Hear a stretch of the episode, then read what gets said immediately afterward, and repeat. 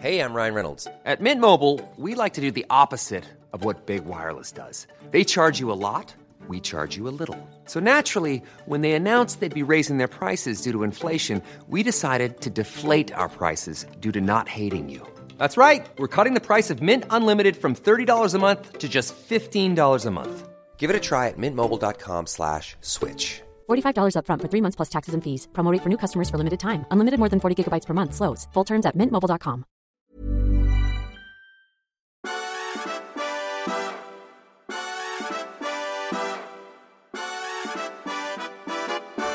God morgon. Hej på dig. Hur är läget? Jo då, bra. Eh, det är bra. Det är tur att eh, våren har ju inte kommit så det är tur att vi hade ett väldigt kul evenemang i Stockholm. Rakt på bara, pang ja, på. Jaha, okej. Roa oss med. Ja men vi, eh, Det är nästan en vecka sedan nu. ja, vi lanserade ju vårt förlag som vi har tillsammans med Peter Bodén. Hundörat. Ja, Hundörets bokhandlare, antikvariatshandlare, Peter Bodén.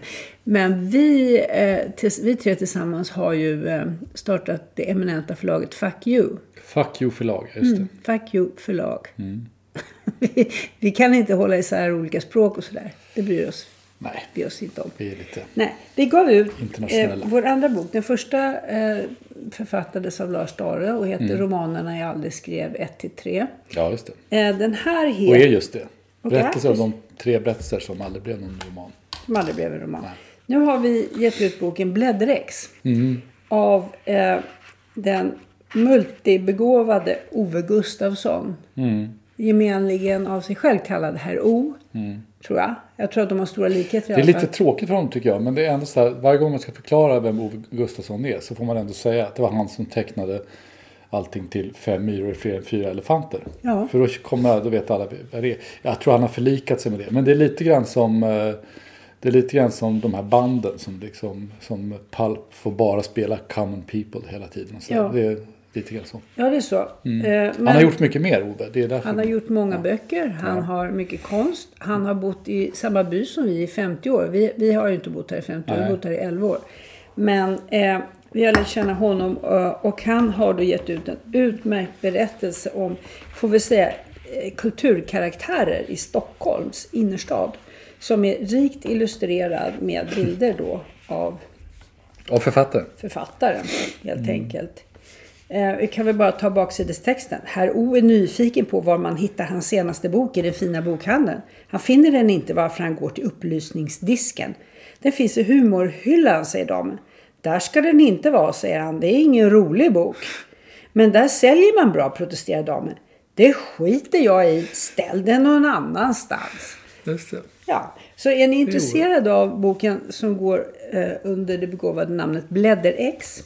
Då tycker jag att ni kontaktar oss så ska vi se till att ni ska få köpa ert exemplar. Ja, inom rimliga gränser. Vi har faktiskt inte så många ex. Nej, Alltså vi- det är en vi del av kommer- poängen med Fuck förlag. Det är att vi gör väldigt små upplagor. För att de ska bli lite samlarvärdiga med tiden. Ja, och det beror ju på att en eh, av delägarna är Peter Bodén. antikvariatshandlare så han vill ju inte, han, Han tror ju inte på stora upplagor. Nej, han vill skapa, skapa Nej. material. Sen ska vi säga att det är Johan Mellby som har eh, formgivit boken. Ja. Ja.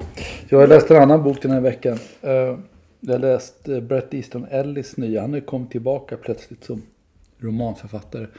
The Shards. Och han går tillbaka också. Jag vet, har du läst Bret Easton Ellis någonting? Nej, eh, jag har läst någon av de där som kom. Fast kanske halva. Det var, var inte riktigt något som intresserade mig. Det var så kultigt så att jag Kultigt. Ja. kom av mig. Nej, han är inte riktigt min... Alltså, han, han finns ju alltid någonstans. Han, han är ju väldigt duktig på att väcka obehag. Alltså han slog ju igenom med den här Less than Zero som utspelar sig eh, 80-tals ungdomar i Los Angeles. Lite för rika, lite för blasé. Eh, Och sen så gjorde han, sen så fick han ju en stor grej med American Psycho också. Mm. Som eh, gjordes film av med Christian Bale. Han är väldigt duktig Christian Bale. Eh, och jag, men jag håller med dig, han har aldrig varit min, min, liksom min eh, go-to-författare heller i den här meningen att jag är inte så svag för det här. Han har, det finns liksom ett Stephen King-drag i det här. Det finns en skräckis och splatter sådär, som jag aldrig riktigt har varit min sak. Uh, jag, egentligen, jag tyckte mer om Donna Tartt som är hans förtrogna. De gick på samma college tillsammans. Eh, Donald Tartt tillägnade sin första bok, The Secret History, till eh, Bret Easton Ellis. Men, men nu har jag alltså läst The Shards. Och, eh, jag, men jag måste ändå säga, det är fortfarande så här, han är ju väldigt mycket Bret Easton Ellis. Så det här, på här på något sätt återvänder han till sitt grundtema. Det är tidigt 80-tal Los Angeles, bland de här high school-studenterna. Eh, men han och det är en riktigt obehaglig bok, men också en väldigt... Har man varit i Los Angeles, en del, som, som vi ändå har varit och så, så är det en väldigt... Eh, han målar miljöerna väldigt väl, även om det är miljöer då från 80-talet. Där många av dem är, finns inte riktigt på samma sätt idag. Men det är, det är väldigt eh, väl beskrivet. Man, man landar väldigt snabbt i den här konstiga världen som... Lite som när Tom Wolfe skriver om Miami så känner man, aha, intressant. Hans bok om eh, Ja, fast det, fast, den, fast det är någonting annat tycker jag. För liksom Tom Wolfe, när han skriver om den här Back in Blood mm. uh, och Miami. Det är liksom ett utanför perspektiv och så beskriver han väldigt olika miljöer i, i Miami. Bret ja. Easton Ellis är, är otroligt... Alltså det är bara den här lilla gruppen som lever uh, kring, uh, kring Hollywood, Beverly Hills, Mulholland Drive. Mm. Den, det, det lilla området och gå på den, här exklusiva privatskolan. Så det, det, det här är liksom mycket mer... Den, den är väldigt, ja, den är klaustrofobisk och det är meningen, den ska ju vara det. Den är klaustrofobisk och den är paranoid. Och den, mm. Men jag tycker att den är, den är väldigt välskriven. Och eh, sen finns det sådana här detaljer så det är ganska kul. Kommer du ihåg att någon uppmärksammade oss på den här sketchen i Saturday Night Live som heter The Californians? Mm, och det utspelar sig, det, det, är olika sketcher och det är alltid något sånt här dramatiskt. Som till exempel någon kille kommer på sin fru med en annan kille och det blir en stor scen. Men det slutar alltid i att de, när, när de ska sticka, liksom, eller när, när den här dramatiken är, är, som värst, då börjar de prata om hur man ska ta sig från det ena stället till det andra, vilka vägar man ska ta. Så är det i Kalifornien ja, nämligen. och hur trafiken ser ut. Ja, liksom Los Angeles är det verkligen sådär. Mm. Och, och, och det roliga med, när man läste Bret Easton Ellis, är att påfallande ofta så, så, beskriver han i boken exakt vilka, vilka vägar han åker och när, vilka korsningar han svänger i, höger, vänster. Så det är ganska roligt. Nu vill jag gärna höra bedömningen. Är detta bra? Ja, det är skitbra. Det är, det är jättebra. Det är, inte, det, är liksom, det är inte min... Eh, det är inte min huvudsakliga genre. Jag tycker inte riktigt om den här, som jag sa, den här liksom Stephen King-artade biten i det. Mm. Jag gillar inte den här skräck Eh, men till exempel, för mig är det fantastiskt musikaliskt. Därför att mm. han, han, han talar hela tiden parallellt musik. Han, han berättar vad det spelas för musik. Mm. Och det här är tidigt 80-tal och mycket av det här känner jag igen. Eh, och han citerar sångtexter som, som någon slags omkväden mitt i texten. Jag tycker det är väldigt skickligt gjort. så. Vilket precis alla i alla generationer skulle kunna göra. Så det, det är på något sätt... Det, Nej, men det handlar väl inte om det att du, men det handlar väl inte om att du är unik. Det handlar väl om att, det är en, att han gör en generation som jag också tillhör. Det är väl inget ja. konstigt med det. Nej, generationsroman. Nej, det ska jag inte heller säga. Det tycker att du, jag vet inte varför du måste, jo, varför måste du koka, varför nej, måste du liksom jag, reducera jag allting? Här, nej men, ja, jag känner igen den här musiken. Jo, men det gör ju alla generationer. Så därför så vill jag liksom få fram... Nej, vad som ligger och kokar egentligen som jag funderar på det är det här genre... Eh, eh, upplösningen på något sätt som, som jag tycker pågår kanske inte bara i eh, i litteraturen är ju det så att säga ett pågående drag, att man alltid experimenterar med det. Men jag tänker på det till exempel i medierna. Uh, uh, det är lite en annan fråga, men jag skulle kunna hoppa in på den nu. Är det? Okay? Ja. Eller vill du... Men jag, nej, men jag bara undrar vad du var ute efter. Jag fick inget svar jag på det. Jag bara kände att jag ville veta eh, vilka liksom om du tycker att den här senaste romanen har några speciella kvaliteter som den här borde man läsa. För du landar i, jag känner igen referenserna. Det kändes Nej, det var bara en sak jag sa. Jag, jag sa från början att jag tycker att det här är, jag ty, tycker det är en väldigt välskriven bok. Och ja, jag tycker den är väl värd att läsa. Och sen hade jag bara en reservation och det är att liksom, det är inte riktigt min go-to-författare. Jag är inte så svag för det här som jag sa, paranoida och och, och eh, klaustrofobiska som han är väldigt duktig på att beskriva. Men det, det kan man ju vara. Ska man läsa boken? Ja, jag tycker det. det här, han, är, han är en av våra stora samtida författare och han har kommit tillbaka efter så, någonting i stil med 13 år och skrivit en bra roman. Ja, det är klart jag tycker man ska läsa den. Good. Good. Okej, var det svar på frågan? Ja, det var svar på frågan. Nej, men jag tänkte på det här med genre, för vi har hört en diskussion i, om, om eh, ledarsidorna, att ledarsidorna har tagit eh, kultursides-approachen och gjort saker och ting som eh, kultursidorna tycker att de är bäst på. Och sen så... Eh, och Det var det här som Björn Werner skrev Ja, Björn egentligen. Werner hoppade på bland annat Do- svenskarna. Ja, Svenska Dagbladet eh, hoppade på bland annat Svenska Dagbladets ledarsida för att de hade recenserat någon bok eller, Mm. eller hur det nu var. Eh, och, eh, och då svarade ju Svenska Dagbladets ledarsida också. Men sen idag så tänkte jag så här, jag råkade hitta något, två uppslag tror jag, eh, med material som handlade om diet och Jordan B. Peterson och kött. Och då tänkte jag så här, aha, men intressant. Är det här kultursidesmaterial? Eh, för några decennier sedan så skulle det där varit idag-sidan, lifestyle. Hur påverkas vi av vad vi äter och vilka människor är vi i kulturen? Nu, nu är det plötsligt kultursida. Så det pågår någon sorts liksom, eh, eh, vad ska vi säga? Du sa genreupplösning, men jag undrar om det inte bara är en, en total vilsenhet. Därför att, jag, menar, det här, jag tyckte den där, jag tyckte att, att liksom, jag förstår varför Björn Werner skrev den där artikeln. Jag tyckte inte han gjorde det så bra. Jag tycker han missar liksom en del poänger. Och det blev någon slags infighting mellan kultur och ledarsida. Problemet är ju snarare liksom att ingen av de här eh, institution, institutionella sidorna, om vi ska kalla dem dem, alltså kultursidor, ledarsidor, längre fyller den funktion som de gjorde och, på det sätt som de brukade göra. Och det är möjligt att det inte går att göra men, men eh, alltså ledarsidor blir ju mer och mer bara samlingsplatser för kolumnister. Det var ju det som Björn Werner var inne på lite grann. Och det, det är klart att det är ju någonting annat. Förut hade ju, alltså, när vi skrev på Svenskans ledarsida så skrev man ju ganska sällan signerat. Man skrev ganska mycket osignerat. Och framförallt var det så att tidningen hade ju en linje. Det var en tydlig linje. Det var inte så att liksom folk eh, som jobbade där tyckte lite hitan och ditan eh, här och där. Liksom. Utan man hade ju någon slags idé om att det fanns en tidningslinje som man ibland kunde avvika från som enskild skribent och så vidare. Men, men det var liksom någonting annat än bara kolumnistplats.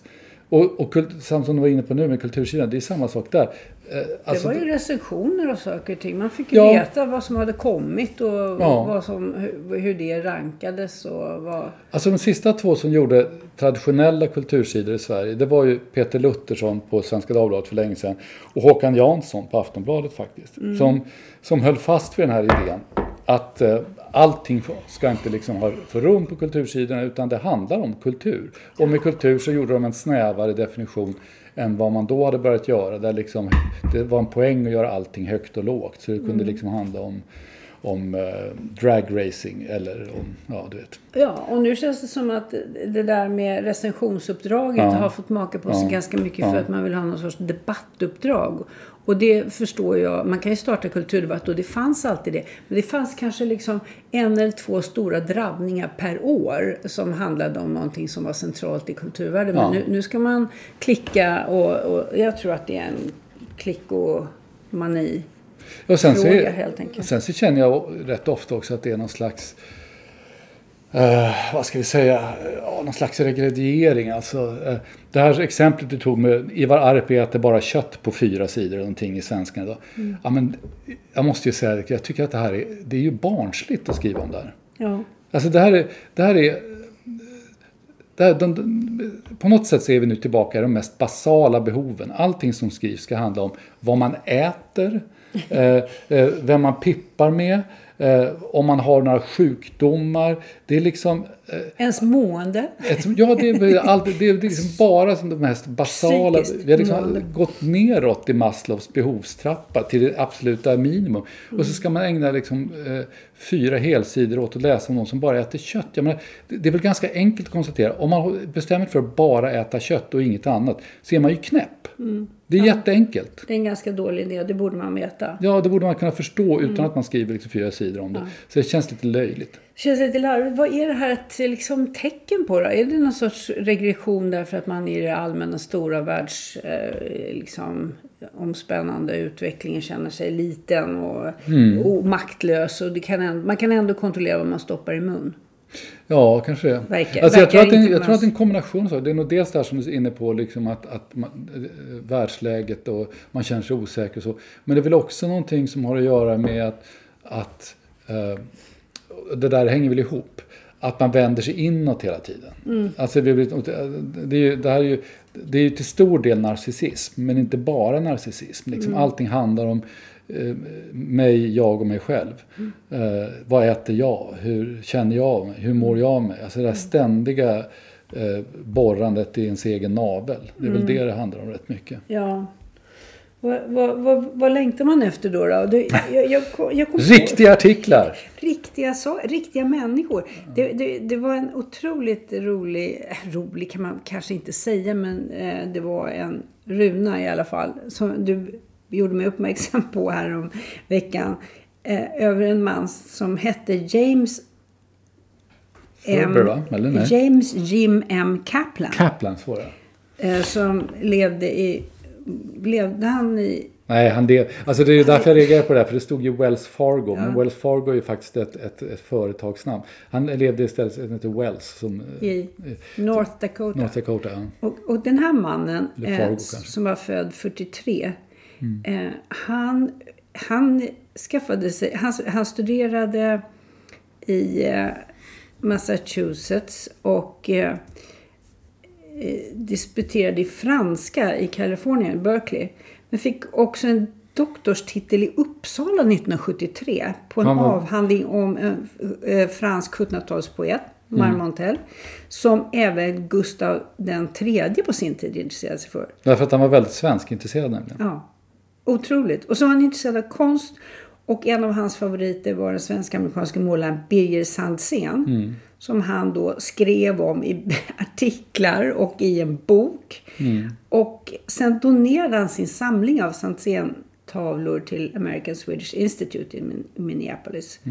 Och skrev i Swedish American Historical Quarterly och i Nordstjärnan som ju finns i New York. Eh, eh, så men det här är helt fantastiskt. Jag, jag, Jag, jag, jag visade dig, jag slog ju upp hans hus. Ja. Man kunde hitta honom i register i USA så kunde man på Google Maps eh, kolla var han bodde. Mm. Och då bodde han i, i ett sånt här litet typiskt jättetråkigt eh, litet trä, träkåk. Och på den här bilden var tagen, vilket är typiskt North Dakota, var det jättemycket vinter och Mm. snö överallt. Men man såg direkt att det var hans hus. För han hade en stor nummerskylt som nästan såg ut som en sån här tavla man har i, i kyrkan. Mm. I blågult. Och så hade han en svensk postlåda, en sån här röd eh, med posttorn på. Så förstår man, där bodde han. Det var ganska gulligt. Och jag tror, alltså, som, skälet att jag tittade överhuvudtaget, jag reagerade på just att det stod att han bodde i Wells Fargo. Och Wells Fargo är ju ett företagsnamn. Och det, det var två personer, en som heter Wells och en som heter Fargo. De hade ingenting att göra med North Dakota som startade företaget. Men det finns en stad som hetter Fargo i, i North Dakota. Det var där han bodde. Så det där är lite konstigt. Men det var därför jag blev lite nyfiken. Han, var, han ordnade också eh, 350-årsminnet av kolonin Nya Sverige. Och för det fick han Nordstjärneorden. Mm. Ja, det är inte vilket illa. jag tycker är så Det är otroligt fint. Rörande och gulligt. Jag vet inte. Han, han verkade... Ja, han levde ensam står det i sin villa i North Dakota på gränsen till Minnesota. Jag såg att han hade varit gift när jag slog, så han var nog Ja, enklare. när våren anlänt skickade han sina vänner färgstarka bilder av blommor som han odlat och omsorgsfullt vårdat. Då tänker jag, sånt där, eh, ja det är sånt som jag går igång på. Ja, men det var för en gångs skull också en, en sån här minnesord som var kul att läsa, som var intressant. Alltså jag tycker ju i 99 fall av 100 så är, är de, de här minnesorden otroligt beklämmande. För de, de bara ger en känsla av att livet är extremt trivialt. Ja, Ja, det var, jag hörde på Kulturradion, om det var den här veckan, ja det var nog den här veckan.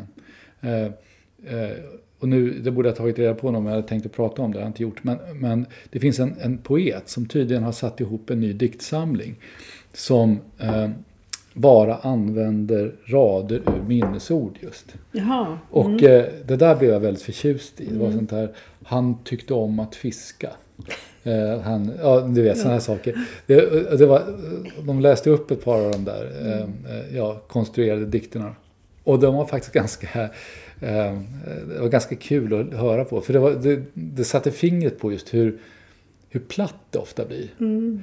Och det, det, har ju att göra med, oftast har det att göra med att folk som skriver minnesord är folk som vanligtvis inte skriver. Så det, det är en mm. viktig anledning till det. Det är ganska svårt att skriva. Jag har det är svårt, det, ja, det är svårt att skriva. Jag har också gjort det. Det är svårt att skriva. Men det, eh, det är en sak. Men sen är det ju det här också, den här, den här tycker jag, omotiverade eh, eh, omotiverade hänsynstagandet.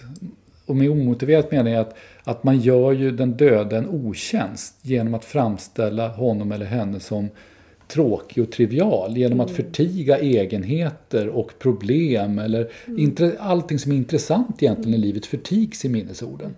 Man får veta att folk tyckte om att fiska och var byråchefer mm. och eh, skrev sin avhandling om ditten datten. Men man får inte veta ett jävla dugg om hur de var som personer. Nej, och på sätt och vis blir ju då minnesordet ett porträtt av de som lever kvar efter den här personen. För vad kan de enas om? Man försöker väl i sorgens stund då kanske skriva någonting ja. som inte trampar allt för många på tårna. Nej. För det skulle ju gå att skriva ganska roligt om de flesta av oss. Ja, ja det är så. Alltså Staffan Heimersson skriver ju en, en, del minnesord, ganska många minnesord i fokus. Han tycker jag gör det väldigt bra för det mesta. Och ett av de, en av de bästa texterna som jag publicerade när jag fortfarande var chefredaktör på Fokus, det var faktiskt när, när, när Jeanette Bonnier dog. Mm. Och jag bad Jörn Donner, som ju hade varit gift med Jeanette, mm. eh, att skriva hennes minnesord. Och det var en riktigt, riktigt bra text. Och mm. eh, alltså eh, helt osentimental men ändå väldigt känslosam. Mm. Eh, och det tyckte jag var verkligen var en sån där text som, som hyllade den här personen och, och fick henne att framstå som en, en hel människa. Mm. Och en intressant och den var person. Inte all, ja, precis. En intressant person. Och den var, liksom inte, och den var inte insmickrande, det kan jag säga. Men mm. den var inte heller mm. eh, elak. Den, den, var, den var sann. Ja. Den kan ni slå på om ni mm. Ni som prenumererar på Fokus varför kan göra det. Ni kan slå på det. Slå på Jörn Donner och, eh, och Jeanette Bonnier så får ni upp det. Mm. Och nu är det ju inte så att vi med vårt ämnesval idag på något sätt vill förtiga att, att Moderaterna har Sverigedagar som säkert det kommer vara hemskt spännande och ja, intressant. Gud, ja, jag vet inte. Jag vi, vi har, um, nej, vi har, vi har lite... De brottas ju med sin uh, nu påstått sexköpande riksdagsledamot. Ja. Det är bara, det där är intressant, det är bara sexskandaler i Sverige numera. Det brukade aldrig vara det. Det brukade bara vara pengaskandaler. Beror det på att sex inte blev en skandal i Sverige för, för att det var egentligen bara skattefusk som var ja, jag vet inte. Jo, det är ju så, men man undrar ju då varför. Och det, det, alltså den, den positiva tolkningen skulle ju vara att svenskar äntligen börjat ha sex. Eh, men, men jag tror inte att det är så tyvärr. Jag tror att det är så att vi har blivit eh, allt mer puritanska och amerikanska. Och därför så förfasas vi över massa saker som har att göra med... Det, det, det, det, vi är tillbaka det här med att skriva fyra sidor om att äta kött. Alltså de mest mm. elementära grejerna i det Vad som fångar folk. Vad vi gör innanför, förhoppningsvis innanför husets fyra väggar. Ja, det var väl lite oklart i ett par av de här fallen, men okej. Okay. Ja, ja. Mm, jag förstår vad du menar. Mm. Jaha, jag vet inte. Ska vi sluta, ska vi sluta när vi när vi pratar, när vi har hamnat på sex? Är det så? Ska Nej, jag ska säga en sak till. Jätte, jättekort. Eh, nämligen den här de och dom-affären. Eh, ja, ja. Mm. Och dem. Ja. Eh, det är ju intressant. Och det sämsta argumentet faktiskt för att vi skulle börja skriva dem, vilket väldigt många verkar vara emot, tack och lov. Det skulle vara att det tar för mycket tid för oss att tänka på huruvida vi ska använda det, dem eller dom.